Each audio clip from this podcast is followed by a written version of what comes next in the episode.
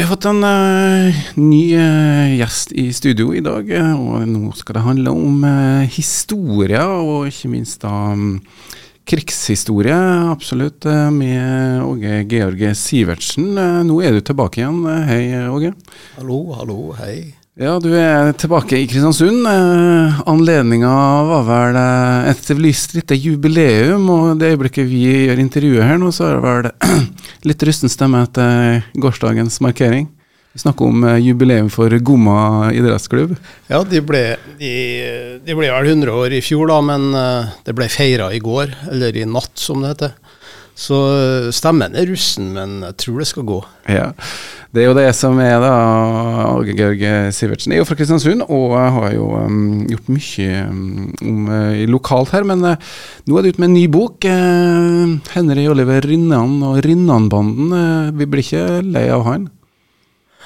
Nei, det tror jeg ikke. Og litt av årsaken til det den gangen her, det er jo selvsagt at det kommer så mye nytt. Fordi at uh, jeg har vært i arkivene, og til sammen ja, jeg, jeg, lurer på, det høres snålt ut, og mange kan si at nei, nå, nå skryter han bare. Men jeg tror jeg har lagt ned kanskje en sånn åtte-ti årsverk. Da, for jeg fant ut at jeg har Jeg jobba tre-fire år på den forrige boka i 95, og så har jeg jobba nesten tre år med den her. Men når jeg jobber tre år, så tenkte jeg Folk flest jobber jo liksom fra åtte til fire, men jeg, jeg, står opp om morgenen og legger meg om kvelden, og så har jeg en liten sånn trimtur imellom da, og litt mat. Og, så jeg, sånn i snitt ja, tror jeg at det er snakk om eh, ti timer om dagen, da, sånn pluss-minus. Så jeg har lagt ned et grundig arbeid, i, særlig i arkivene. Og det er så mye nytt stoff, så det er ikke rart at det ikke blir slutt. Altså. Ja, for du skrev jo som sagt en bok om Henry Oliver Rinnan, som var vel kanskje mer et um, ja, kan man kalle det et portrett? Uh, i 95. Uh, eh, og her i um, skulle si vaskeseddelen så lokkes det med at det er historier i den boka her som rett og slett ikke har vært mulig å fått uh, skrevet om før de som er intervjua, rett og slett har avgått ved døden. Jeg tror ikke ordet sensasjon passer sånn litterært, da, men jeg tar det i bruk likevel. Det er en par sensasjoner i boka som uh, verken historikere eller andre har vært klar over. Den ene uh, handler om uh, vår tidligere statsminister Jon Lyng.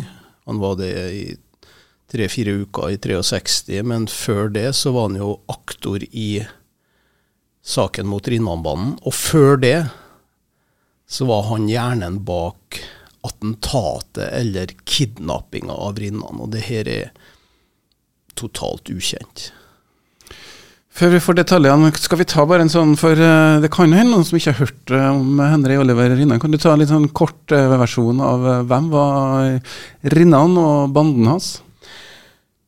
Henry Oliver Rinnan han var født i 1915, eh, gifta seg i 36. Han var som folk flest. Eh, det finnes ikke noe kriminelt eh, rundt hans rulleblad skal vi si, før 1940. Når 9.4.1940 eh, kom og vi ble angrepet av tyskerne, så var han på norsk side. Han var sjåfør, og i de to månedene som krigen varte, så var jo han en motstandsmann, da, kan du si. Men så får han tilbud om jobb i Gestapo rett etter disse to månedene. og han blir en agent for uh, tyskerne. Han uh, er såpass dyktig, har så gode egenskaper at uh, Gestapo har forstått at her har vi med et lite geni å gjøre. Han får bygge opp sin Sonderabteilung Lola, som da i ettertid er kalt Rinnanbanen. Det var kalt uh, uh, Sonderabteilung Lola, Lola under hele krigen, men etter krigen så kom navnet Rinnanbanen, da, fordi at alle som var med i, i den Sonderabteilung Lola, de ble jo da eh, en del av Rinnans menn, og dermed i Rinnanbanen. Så Rinnanbanen besto av 70 medlemmer, mer eller mindre. De jobba aldri samtidig, men det var 70 stykker som var lønna fra eh, Rinnan. Og de var vel 40 på det meste samtidig, hvorav rundt 25% var kvinner. da. Altså kjøpt og betalt av tyskeren for å angi motarbeid Finne ut hvem jobba de mot? Nei, hoved, hovedjobben var å infiltrere den norske motstandsbevegelsen, slik at de skulle utgi seg sjøl for å jobbe i motstandsbevegelsen, altså mot tyskerne. Men eh, når de da lot som om de også var i motstandsbevegelsen, så ble de jo så eh, godt involvert i motstandsarbeid da, i, ja, i Vikna, i Rørvik, i Ålesund, Molde, delvis i Kristiansund, på Nordmøre osv. Og, så og da avslørte de hele greia når de fikk vite nok. Og dermed ble de norske som var med i motstandsbevegelsen, de ble jo da arrestert og torturert og sendt til konsentrasjonsleirer og av og til henretta. Undercover, eh, egentlig, på godt norsk? Absolutt. Vi snakker om spionvirksomhet, og løgn og bedrag er stikkordene. Den er, jeg har lest litt eh, anmeldelser. Et eh, element som eh, overraska meg, var at eh, flere av dem som jobber i Rinnanbanen, ikke alltid skjønte at de jobba faktisk for tyskerne, men eh, trodde de kanskje jobba i hjemmefronten. Eh, er det en riktig forståelse av situasjonen? Det var flere hundre eh, personer som faktisk gjorde det som du sier, og de ble kalt negative agenter. Um, La oss ta et eksempel fra Molde. da Solveig Kleve blir forelska i Rinnan. Hun, hun jobber i motstandsbevegelsen i Molde. Hun tror at Henry Oliver Rinnan jobber i motstandsbevegelsen. Eh, de blir et par. Hun jobber der godt over et år før hun forstår at uh, hun jobber for Gestapo, faktisk. Og da er hun så involvert og så forelska i Rinnan og osv. Og, så og når hun senere vil slutte i Rinnanbanen, så er det sjanseløst. Stor sjarmør du nevner her et kvinnebekjentskap. Eh, han var en helt spesiell person, eh, Rinnan. Han sjarmerte mange. Ja, det var kona som fortalte meg at uh, han var en storsjarmør. Uh, han traff henne uh, ganske tidlig og gifta seg i 36, som jeg sa. Eh, men frem til den tid så var liksom eh, livet en lek da, for dem to. Og um, kona Klara Rinnan, som uh, endra navn til Baglemo etter krigen, hun ringte i 1993 i forbindelse med den boka jeg skrev da, som heter 'Rinnan et nærbilde'. Og når jeg ringte henne, så sa hun hva er det du holder på med nå? Hva er det du holder på med? Ja, nå legger jeg på røret, kan ikke begynne å snakke om dette nå, det er gått 50 år siden, nå vil jeg ha fred. Og så fikk jeg roa henne litt ned, da, og, og fikk uh, litt Jeg fikk 21 møter med henne, mener jeg, og noterte det. Vi dro til Sverige sammen. Uh, Intervjua sønnen hennes, altså sønnen til Henry Rinnan, som het Roar. Han var syv år i 1945. Så um, Rinnan var spesiell. Ja, hvor spesiell var han? Han var, hadde en ekstrem hukommelse, på linje med, nesten på linje med Agnus Carlsen. Han var helt uh, utrolig hva han kunne huske. Og så hadde han det, den sterkeste egenskapen en spion kan ha, nemlig, nemlig da sjarm. Så de to, to egenskapene der, hukommelse og sjarm, det var nok også det tyskerne merka seg, tror jeg. Du nevnte et 70-tall som var medlem. Du snakka med kona, har du snakka med flere som har vært medlemmer i, i banden? Eh, de lever jo ikke i dag, men de levde når jeg laga dokumentarprogram for NRK i 1995. Og jeg holdt jo da på i tre år med den boka mi, da, uh, fra to, to, ja, 1,92 til 95. Uh, da intervjua jeg særlig to bandemedlemmer. Den ene het Per Sigurd Vik. Eh, han døde like etter at jeg hadde intervjuene, faktisk. Eh, og det kom på lufta i 95. Eh, han var relativt sentral i Rinnanbanen, og jeg besøkte han to ganger i Osloveien, heter, jeg vet ikke om det heter det i dag, men det var en, en vei som går ut av Trondheim i retning Oslo.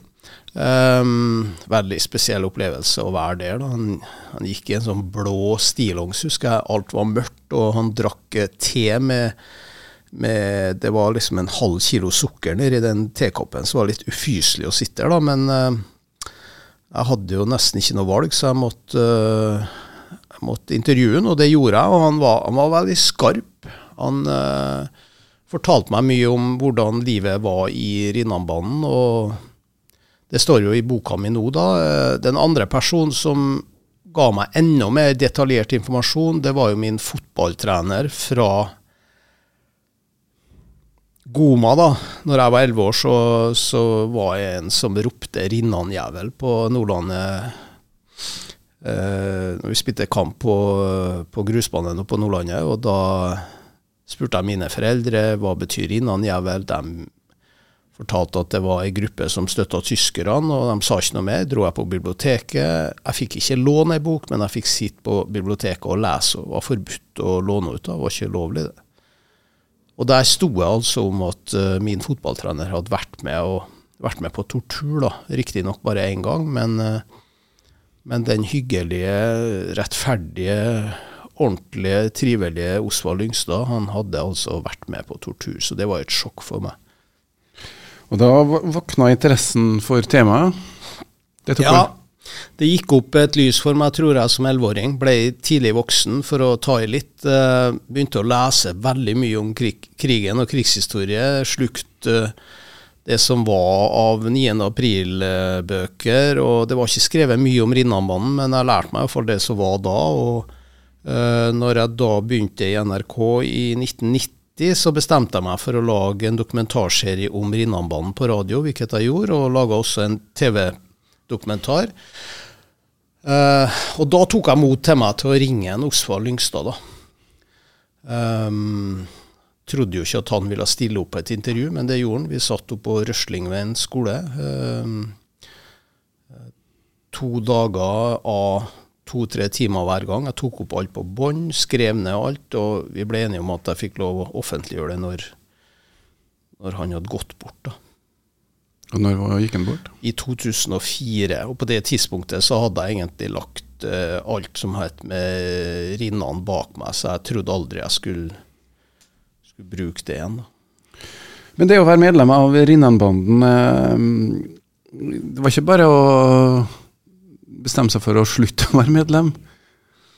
Nei, Per Sigurd Vik sa til meg, altså en eh, bandemedlem som jeg besøkte i Trondheim, han sa at uh, det å slutte i Rinnanbanen, det var ensbetydende med å havne i en svart sekk på Folla og sånn. Uh, altså i fjorden, da. Uh, så da ble du I ni av ti tilfeller så ble du drept fordi at du ble oppdaga. Så Rinnan hadde jo ingen venner. da Han, han lagde seg et system, kan sammenlignes med ja, mafiavirksomhet. Al Capone. Altså det var satt personer opp mot hverandre. Men jeg syns nesten at uh, Rinnan-systemet var verre enn uh, enn disse mafiabandene. For at de hadde tross alt veldig stor kjærlighet til familien og slekta, da, mens uh, Rinnan så ut til å gi seg sånn stort sett blaffen også i det. Han hadde et godt forhold til kona si og ungene sine, kan du si, fordi at hun Klara fant seg i det. Hun visste jo om at han hadde flere elskerinner. Det oppdaga hun. Men hun var så fornøyd med den situasjonen hun var kommet i, tror jeg, at hun, for henne så var ikke det noe tema å stikke av. Men han var jo da omstridt, eh, kanskje også innad i, i um, Rinnanbanden. Men eh, det var jo kjent etter hvert eh, hva slags posisjon han hadde. For etter noen år så visste jeg vel det med regjering i, i London. og hjemmefront og alle hva slags person det her var, og hva slags aktivitet de drev med. Man har vel sikkert Man prøvde jo å ta livet av meg, men hvorfor greide man ikke det? Interessant. Veldig interessant. Hvorfor tok man ikke livet av Henry Oliver innan? Hvorfor tok ikke hjemmefronten livet av han? De tok livet av ca. 80 personer i hjemmefronten Hvorav bare én i Rinnanbanen, og det var Ivar Grande, som ble skutt uh, høsten 44 i Ålesund. Men jeg tror, for det første, punkt nummer én Til å begynne med, de første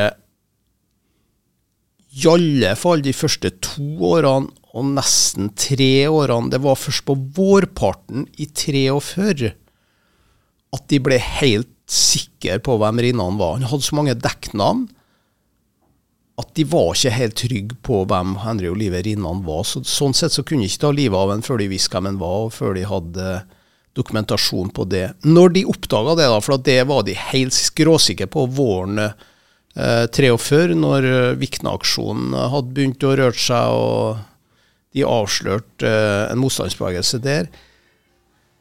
Da planla de å ta livet av en først, eh, med sentrale aktører fra London. De var styrt fra London, men eh, Jon Lyng var altså sentral i det arbeidet her. og de planla da høsten 43 å ta livet av rinnene, men så ombestemte de seg, og det her er jo helt nytt, da, de ombestemte seg til å kidnappe henne isteden. Og gjennom, gjennomføringa av det attentatet, skråstrek kidnappinga, den er faktisk så dum at uh, du tror nesten ikke at det er sant. Men jeg har så god dokumentasjon på det her at jeg ber folk kjøpe boka. Den heter 'Rinnanbanen'. Er lett å finne i bokhandelen. Akkurat nå så er det jo utsolgt, da, men uh, det er trykt opp et nytt opplag, så jeg tror det kommer inn bøker. Ja, det er jo det som er um, morsomt, da, når å få fram litt uh, nye ting om, om, banden. da. En annen ting er jo at um, det her var jo de verste samarbeids... Uh, de verste som samarbeider med tyskeren. Men eh, det er jo bortimot 150 000 eh, nordmenn som på en eller annen måte hjalp tyskeren eh, og ble en del av det som kalles for rettsoppgjøret. Men det var veldig få som endte med å bli henretta, sånn som Henry Oliver Rinnan etter hvert ble. Det var nok flere enn 150 000 som jobba for tyskerne. Det var helt vanlig å jobbe for tyskerne, altså tyskerarbeid. Altså, de skulle jo først så Det sies det at det var ikke arbeidsledighet under krigen. Det var ikke så rart, for først så bomma tyskerne eh, en rekke byer, og så når de skulle bygges opp igjen, så ble, kom jo folk i arbeid. Men eh, la oss ta et eh, grelt og fælt eksempel da, fra Ørlandet. Mens, mens krigen pågikk, altså mens Norge var i krig da, mot Tyskland, fra 9. april og frem til 7. juni 1940, så blir jo i den perioden blir jo også Kristiansund by bomma fra 28. april og i fire sammenhengende dager med brannbommer. Selv i den perioden så er altså nordmenn som tar arbeid for tyskerne ved å bygge opp og sette på plass Ørlandet flystasjon, slik at de flyene kan bidra til å bomme Kristiansund. Det er helt sprøtt. Og ingen av dem fikk straff etter krigen. Det var, det var nesten ingen som De som jobba for tyskerne, du vet, det her ble jo opp, de ble jo oppfordra av fylkesmenn og av ordførere til å ta jobb for tyskerne. Så kompleks sak som handler mye om landssvikoppgjørene, men eh, det får bli neste bok. Ja, men eh, du har uh, via det her litt, i hvert fall den uh, bandegjengen, var det nok, har du nok fulgt i hva som skjedde i, i Landsvik-oppgjøret. Men for flesteparten så ble saken henlagt. men det å være medlem av Rinnanbanden, det ødela det for resten av livet? Ja, men jeg tror du undervurderer én ting, nemlig de som hadde vært medlem av NS de ble også straffa etter krigen. De fikk en kollektiv straff, faktisk. De, det var 43 000 som ble dømt for landssvik etter krigen. Og halvparten av de hadde vært passive medlemmer av NS. Det betyr at hvis kona til en som har vært aktiv NS-medlem, da Aktiv NS-medlem betyr at du var på møter, og du hjalp kanskje tyskerne med et eller annet, og du jobba for tyskerne osv. Men kona hun var stort sett hjemmeværende. Men hun ble medlem som en følge av at mannen ønska det. Familiemedlem? Ja, det kan du egentlig si. Men straffa for hun ble omtrent like hard som for mannen, fordi at det var straffbart å være medlem av NS etter krigen. Um, Så det var ikke straffbart før krigen, men det ble det etter krigen. Og de lovene ble altså laga under krigen. Og når, når, vi snakker om straff her, så får du den strengeste straffa. Det er jo at du blir dømt for landssvik. Du blir dømt for landssvik for å ha vært passivt medlem i NS. Du ble også dømt Du mista jo tap av stemmerett i ti år. Du fikk ikke lov å ta utdanning. Du fikk heller ikke jobb i offentlig sektor. Men først og fremst, som jeg sier, du ble dømt for landssvik. Altså hvis du bodde på Smøla, Averøya, Tustna Surnadalen eller Kristiansund, og så Oi, dømt for landssvik, ja. Og Da kan du tenke deg barna til de her, da. De um, Sikkert ikke i hvert tilfelle, men de ble utsatt for mobbing og vanskelig oppvekst. Kan vi, prøve, kan vi noensinne prøve å forstå eh, hvilke valg de står overfor? Eh, ja, 1940-krigen, situasjonen som var. Eh, det er jo vanlige folk, sier du, som er medlem av Rinnanbanden nå. Vi vi landssvikere og medlemmer av NS. Kan vi noensinne forstå hva slags valg og situasjoner de var i, de som bodde i Norge? og jeg har brukt noen år på å prøve å svare på det i boka. da. Og uh, La oss ta et eksempel fra Kristiansund, hvor Rolf Sevaldsen var 16 år i 1940. Han blir frontkjemper som 17-åring i 1941. da.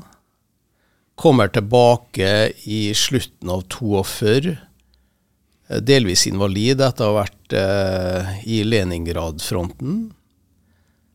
Og et år etter det så begynner han så smått å jobbe for Han blir medlem av Rinnanbanen fordi at han blir lønna. Men han ante ikke hva Rinnanbanen var for noe, kan du si. For at når han fikk greie på det, hvordan, hvilke metoder de brukte, altså tortur, og måten de jobba med angiver i infiltrasjon, så likte han ikke det. Så han satt faktisk i gang en prosess for å ta livet av Rinnan. Og Rolf Sevaldsen er et eksempel på en ung gutt på 16 år i 1940 som blir medlem av NS stort sett pga. at pappa er det, og resten av familien blir det, er det. Eh, så det kan være et delvis svar på spørsmålet ditt, og at det i alle fall var det er ikke sikkert du engang tok et valg, for at det var andre som tok det valget for deg. Det er jo derfor vi stadig skriver om eh, krigen, og vi kommer stadig fram med nytt eh, materiale. Og, og, Hvis du tar tak i fotballtreneren din igjen, da, som du intervjua eh, Dette er jo da lokalt eh, i Kristiansund. Han hadde fortalt en historie som du fikk lov til å gå ut med nå, i og med at han hadde dødd. da, så Hva fikk du, hva fortalte han? Hvordan var det å ha det livet etter krigen, når han hadde gjort det valget under krigen, og bli medlem av Rinnanbanen? Det her var jo som sagt et sjokk på meg når jeg var elleve år og fikk greie på at han hadde vært med i Rinnanbanen. For han var jo så normal som et menneske kunne bli, tenkte nå jeg da. Um, så jeg tenkte jo også det at når han kunne ha vært medlem av Rinnanbanen, da kunne kanskje hvem som helst ha blitt det, var tanken min. Men jeg snakka jo aldri med Osvald Lyngstad, og ingen andre tror jeg har gjort det. Jeg snakka med en veldig god venn av Osvald Lyngstad som het Per Larsen. Vi kalte han bare Pelle i Godmann. Jobba sammen med, med Osvald i dugnadsarbeid sikkert i over 20 år, omtrent hver dag. Men de, jeg snakka med ham for noen dager siden på senteret, og da sa han at han hadde aldri snakka med en Osvald Lyngstad om krigen. Men det fikk altså jeg, og etter at uh, alt det her ble tatt opp på bånd, og jeg skrev faktisk ned alt på papir i tillegg, jeg leverte til jeg makulerte båndene for at jeg syntes det var så heftig, og jeg tenkte at jeg aldri skulle bruke det. Men alt jeg skrev ned, det leverte jeg til en venn av meg som heter Geir Greger. Og så sa jeg til han at uh, det her kommer jeg sikkert aldri til å bruke, for at jeg hadde blitt metta på Rinnan og Rinnanbanen, og jeg var ferdig med boka mi i 95. Og han um, har arkivert mye stoff for meg, Geir, men han, det er begrensa også i hans leilighet, så uh, jeg sa til han at hvis du ikke har plass til, så bare kast det, for jeg kommer aldri til å skrive mer om, om Rinnan, sa jeg. Men 25 år etterpå, da uh, for, Ja, 25 i 2020, så bestemte jeg meg for å skrive en ny bok om Rinnan. Og da tok jeg kontakt med Geir, og så sier jeg til henne at du har, du har sikkert ikke oppbevart disse eskene som jeg ga deg om Lyngstad fra den gangen i 95. Et lite øyeblikk, et lite øyeblikk siden, og så går han uh, på kontoret sitt, og så kommer han tilbake et, et halvt minutt og sier jo da, de er her, de òg. De er her. Og det var helt fantastisk for meg, for der hadde jeg mange notater, og dem har jeg benytta meg av i den nye boka nå om mm. Rinnabanen. Kan du avsløre litt av den? Eh, fortelle Avslør? Ja, fortell litt hva, hvordan var Det var en klassisk situasjon da for mange av dem som har gjort ting og vært med på ting under krigen. Eh, det var ikke så mye å snakke om det etterpå? Ja, Historia til Osvald Lyngstad er egentlig dramatisk fra A til Å. Så jeg tror vi jeg tror folk får lese det som jeg har kommet frem til. Det er såpass intimt og nært stoff at jeg har ikke lyst til å si altfor mye om det. Men jeg kan si såpass at på slutten av 70-tallet, ja, på midten av 70-tallet, så fikk en Anders Giske, fotballspiller, da, som de som er iallfall over 40, husker. Um, som starta karrieren sin i Gomma? Ja, nettopp. Og hadde Osvald Lyngstad som trener. Han fikk uh, en utmerkelse for å ha blitt den første i Goma som kom på landslaget. Han kom på guttelandslaget. Og på samme fest da, så får Osvald Lyngstad plassert på ei sånn sølvnål for uh, tror du skal være i klubben i 15 år eller noe sånt. Uh, og da fortalte han en Kristian Roksvåg, da, som satt på den nåla, at uh, like etter at han har fått den sølvnåla, så så rant det noen tårer av Osvald Lyngstad, og så sa han jeg tulla meg bort under krigen her, sjø, sa han. Og det er nok den sterkeste innrømmelsen Osvald noen gang har kommet med. Han, han angra ingenting på de intervjuene som jeg hadde, han prøvde å forklare hva som hadde skjedd.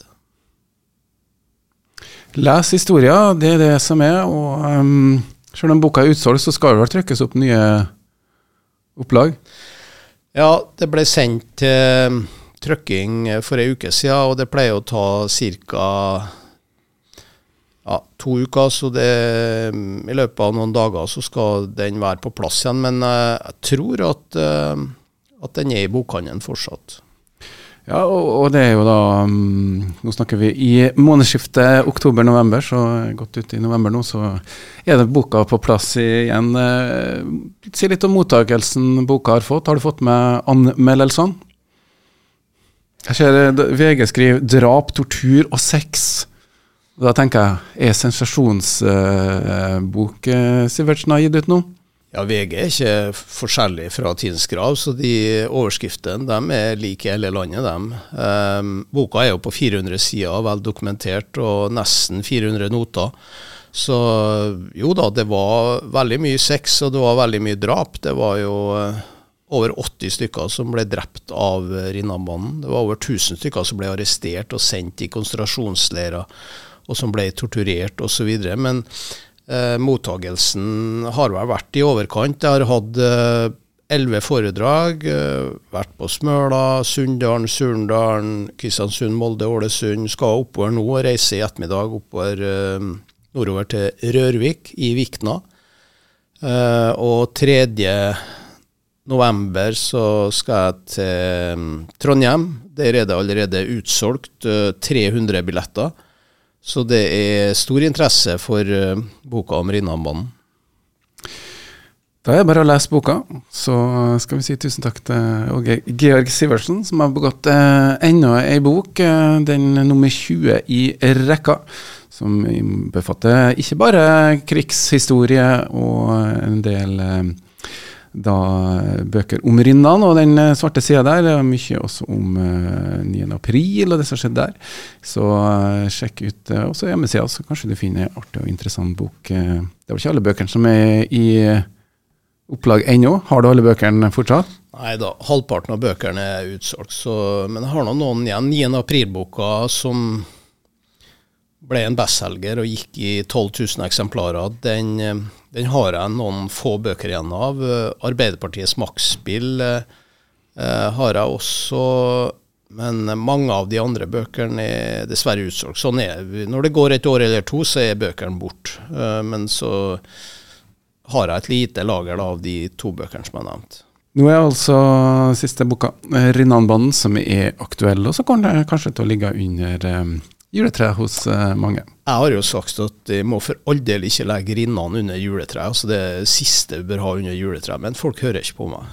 Takk, eh, Åge Georg Sivertsen, og lykke til videre med både boksalg og foredragsrekke.